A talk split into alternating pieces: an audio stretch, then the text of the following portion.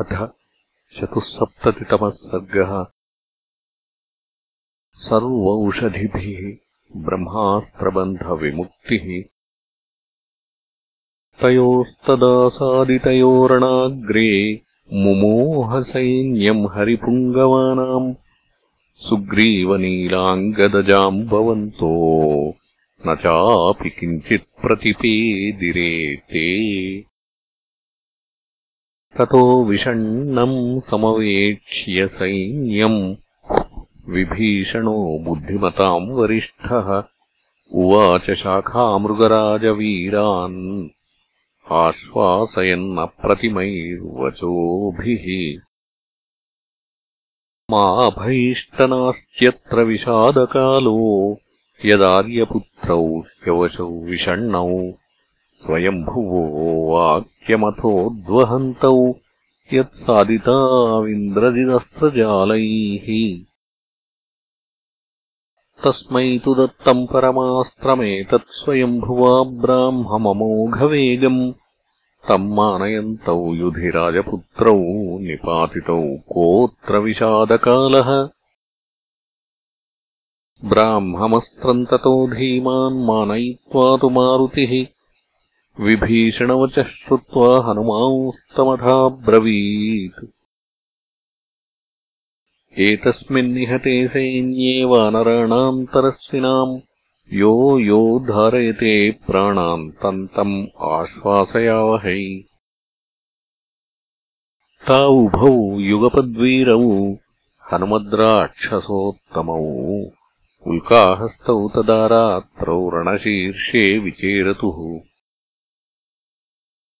भिन्नलाङ्गूलहस्तोरुपादाङ्गुलिशिरोधरैः स्रवद्भिः शतजङ्गात्रैः प्रस्रवद्भिस्ततस्ततः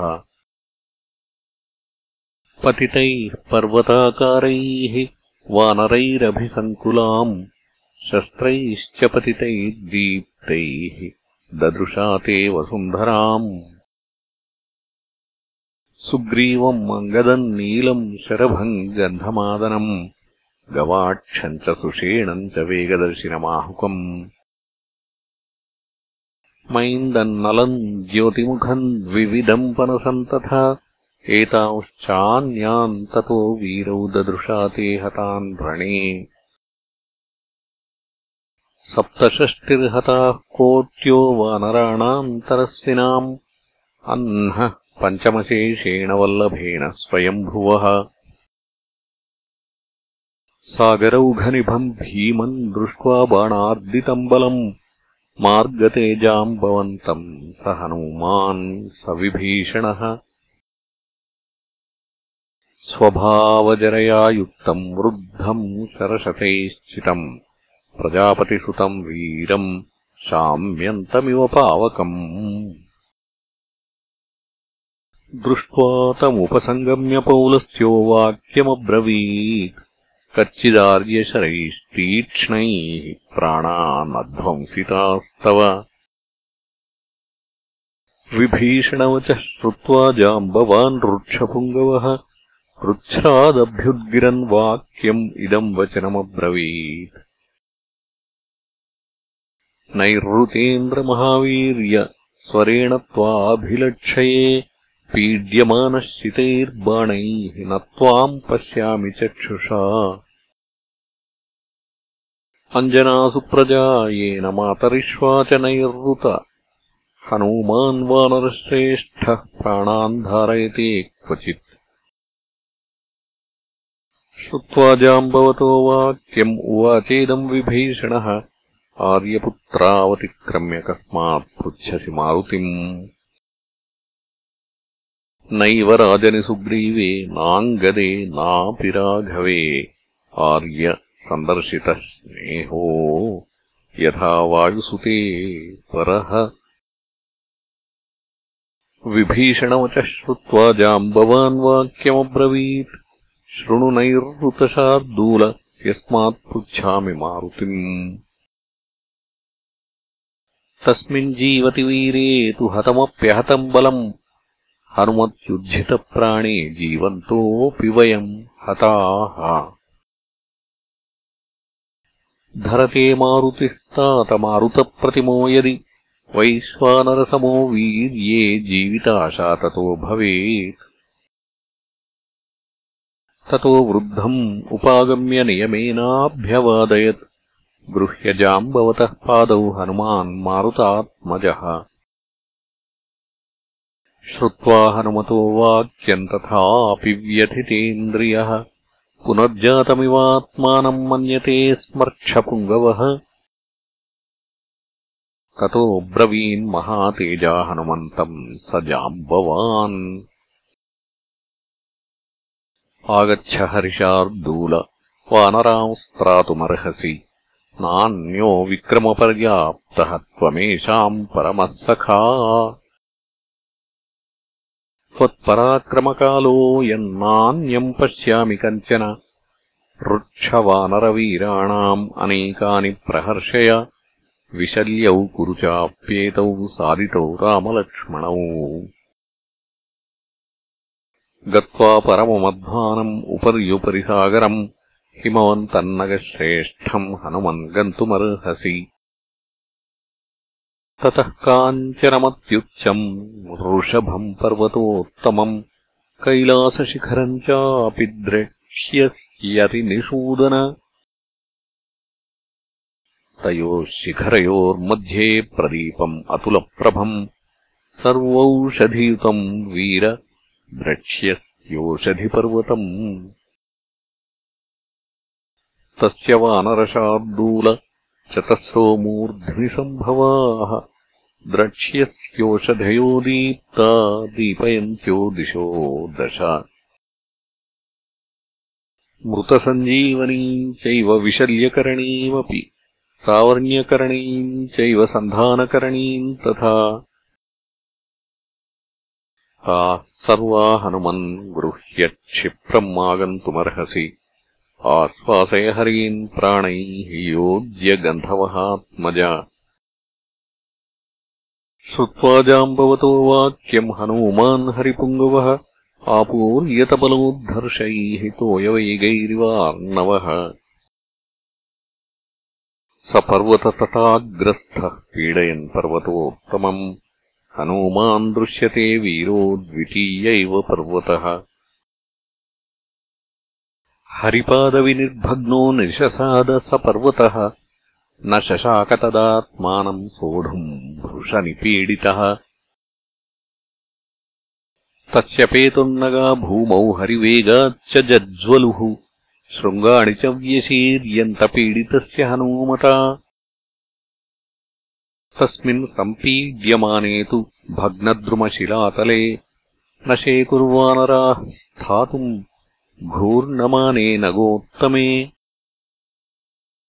सा घूर्णितमहाद्वारा प्रभग्नगृहगोपुरा लङ्कात्रासाकुला रात्रौ प्रनृत्ते वाभवत्तदा पृथिवीधरसङ्काशो निपीड्य धरणीधरम् पृथिवीम् क्षोभयामास सार्णवाम् मारुतात्मजः आरुरोह तदा तस्मात् हरिर्मलयपर्वतम् मेरुमन्दरसङ्काशम् नानाप्रस्रवणाकुलम्। नानाद्रुमलताकीर्णम् विकासिकमलोत्पलम् सेवितम् देवगन्धर्वैः षष्टियोजनमुच्छ्रितम्। विद्याधरैर्मुनिगणैः अप्सरोभिर्निषेवितम् नानामृगगणाकीर्णम् बहुकन्दरशोभितम् सर्वान्नाकुलयोस्तत्र यक्षगन्धर्वकिन्नरान् हनूमान् मेघसङ्काशो ववृधे मारुतात्मजः। पद्भ्याम् तु शैलमापीड्य विवृत्योग्रम् ननादोच्चैः प्रासयन्निव राक्षसान् तस्य नानद्यमानस्य श्रुत्वा निनदमद्भुतम् लङ्कास्थाराक्षसाः सर्वे न शेकुः स्पन्दितुम् भयात्।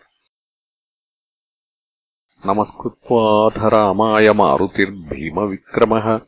राघवार्थे परम् कर्म समीहत परन्तपः।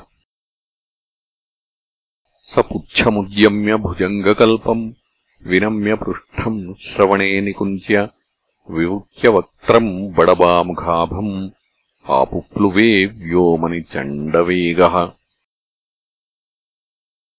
स वृक्षषण्डांस्तरसा जहार शैलान् शिलाः प्राकृतवानरांश्च बाहूरुवेगोद्धतसम्प्रणुन्नाः ते क्षीणवेगाः सलिले निपेतुः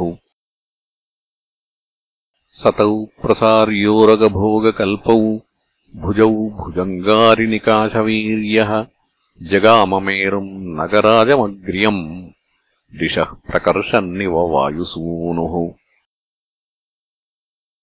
सागरम् घूर्णितवीचिमालम् तदा भृशम् भ्रामितसर्वसत्त्वम् समीक्षमाणः सहसा जगाम चक्रम् यथा विष्णुकराग्रमुक्तम्। स पर्वतान् वृक्षगणान् सरांसि నదీస్తటాకాని పురోత్తమాని స్ఫీతాన్ జనాంతానపి సంప్రవీక్ష్య జగామవేగాత్ పితృతుల్యవేగ ఆదిత్యపథమాశ్రిత్య జగామస గతక్లమ హనూమాన్ త్వరితో వీర పితృతుల్యపరాక్రమ జవేన మహతా యుక్తో మారుతిర్మారుతో యథా जगामहर्षार्दूलो दिशः शब्देन पूरयन्। स्मरन् जाम्बवतो वाक्यम् मारुतिर्वातरंहसा। ददर्श सहसा चापि हिमवन्तम् महाकपिः। नानाप्रस्रवणोपेतम् बहुकन्दरनिर्झरम् श्वेताभ्रचयसङ्काशैः शिखरैश्चारुदर्शनैः शोभितम् विविधैर्वृक्षैः अगमत्पर्वतोत्तमम् स तम् समासाद्य महानगेन्द्रम् अतिप्रबुद्धोत्तमघोरशृङ्गम् ददर्शपुण्यानि महाश्रमाणि सुरर्षिसङ्घोत्तमसेवितानि स ब्रह्मकोशम् रजतालयम् च शक्रालयम् रुद्रशरप्रमोक्षम् हयाननम् ब्रह्मशिरश्च दीप्तम् ददर्शवैवस्वतकिङ्करांश्च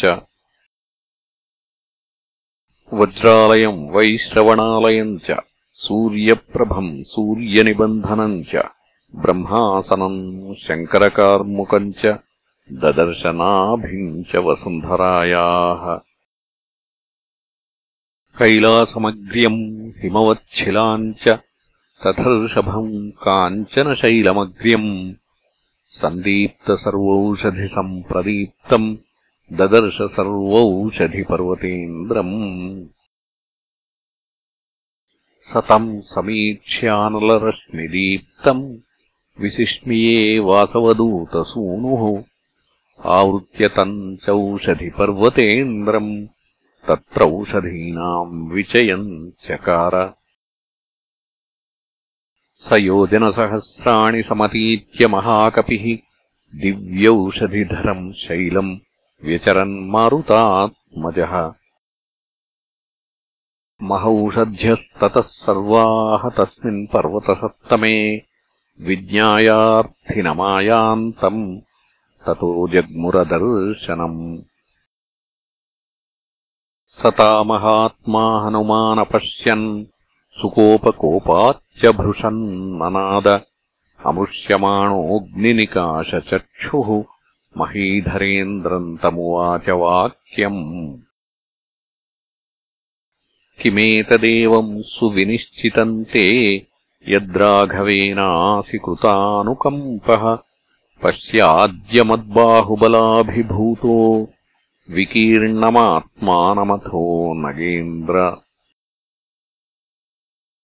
स तस्य शृङ्गम् सनगम् सनागम् सकाञ्चनम् धातुसहस्रजुष्टम् विकीर्णकूटज्वलिताग्रसानुम् प्रगृह्यवेगात् सहसोन्ममाथ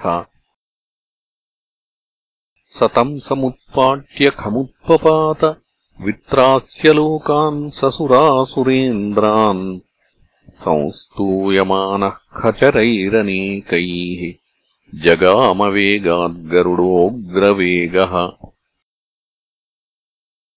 स भास्कराध्वानमनुप्रपन्नः तम् भास्कराभम् शिखरम् प्रगृह्य बभौ तदा भास्करसन्निकाशो रवेः समीपे प्रतिभास्कराभः।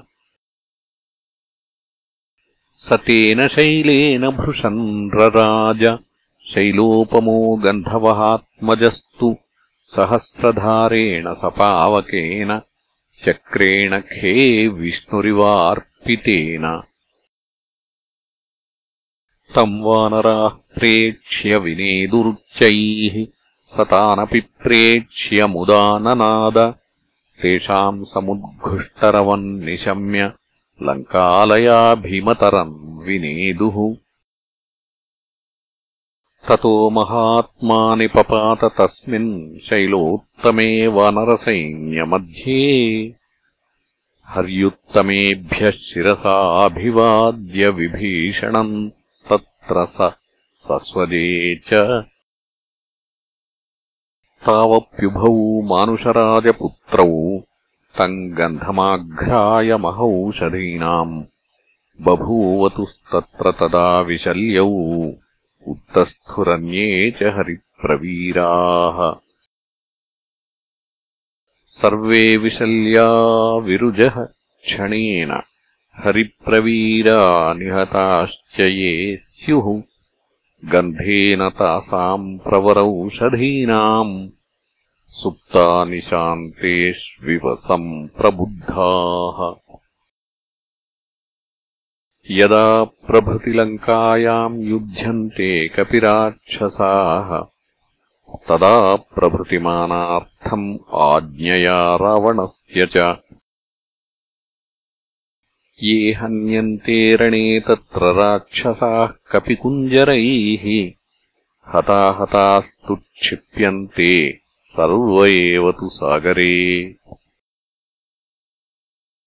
ततो हरिर्गन्धवहात्मजस्तु तमोषधीशैलमुदग्रवीर्यः निनायवेगाद्धिमवन्तमेव पुनश्च रामेण समाजगाम। इत्यार्षे श्रीमद् रामायणे वाल्मीकीये आदिकाव्ये युद्धकाण्डे चतुःसप्ततितमः सर्गः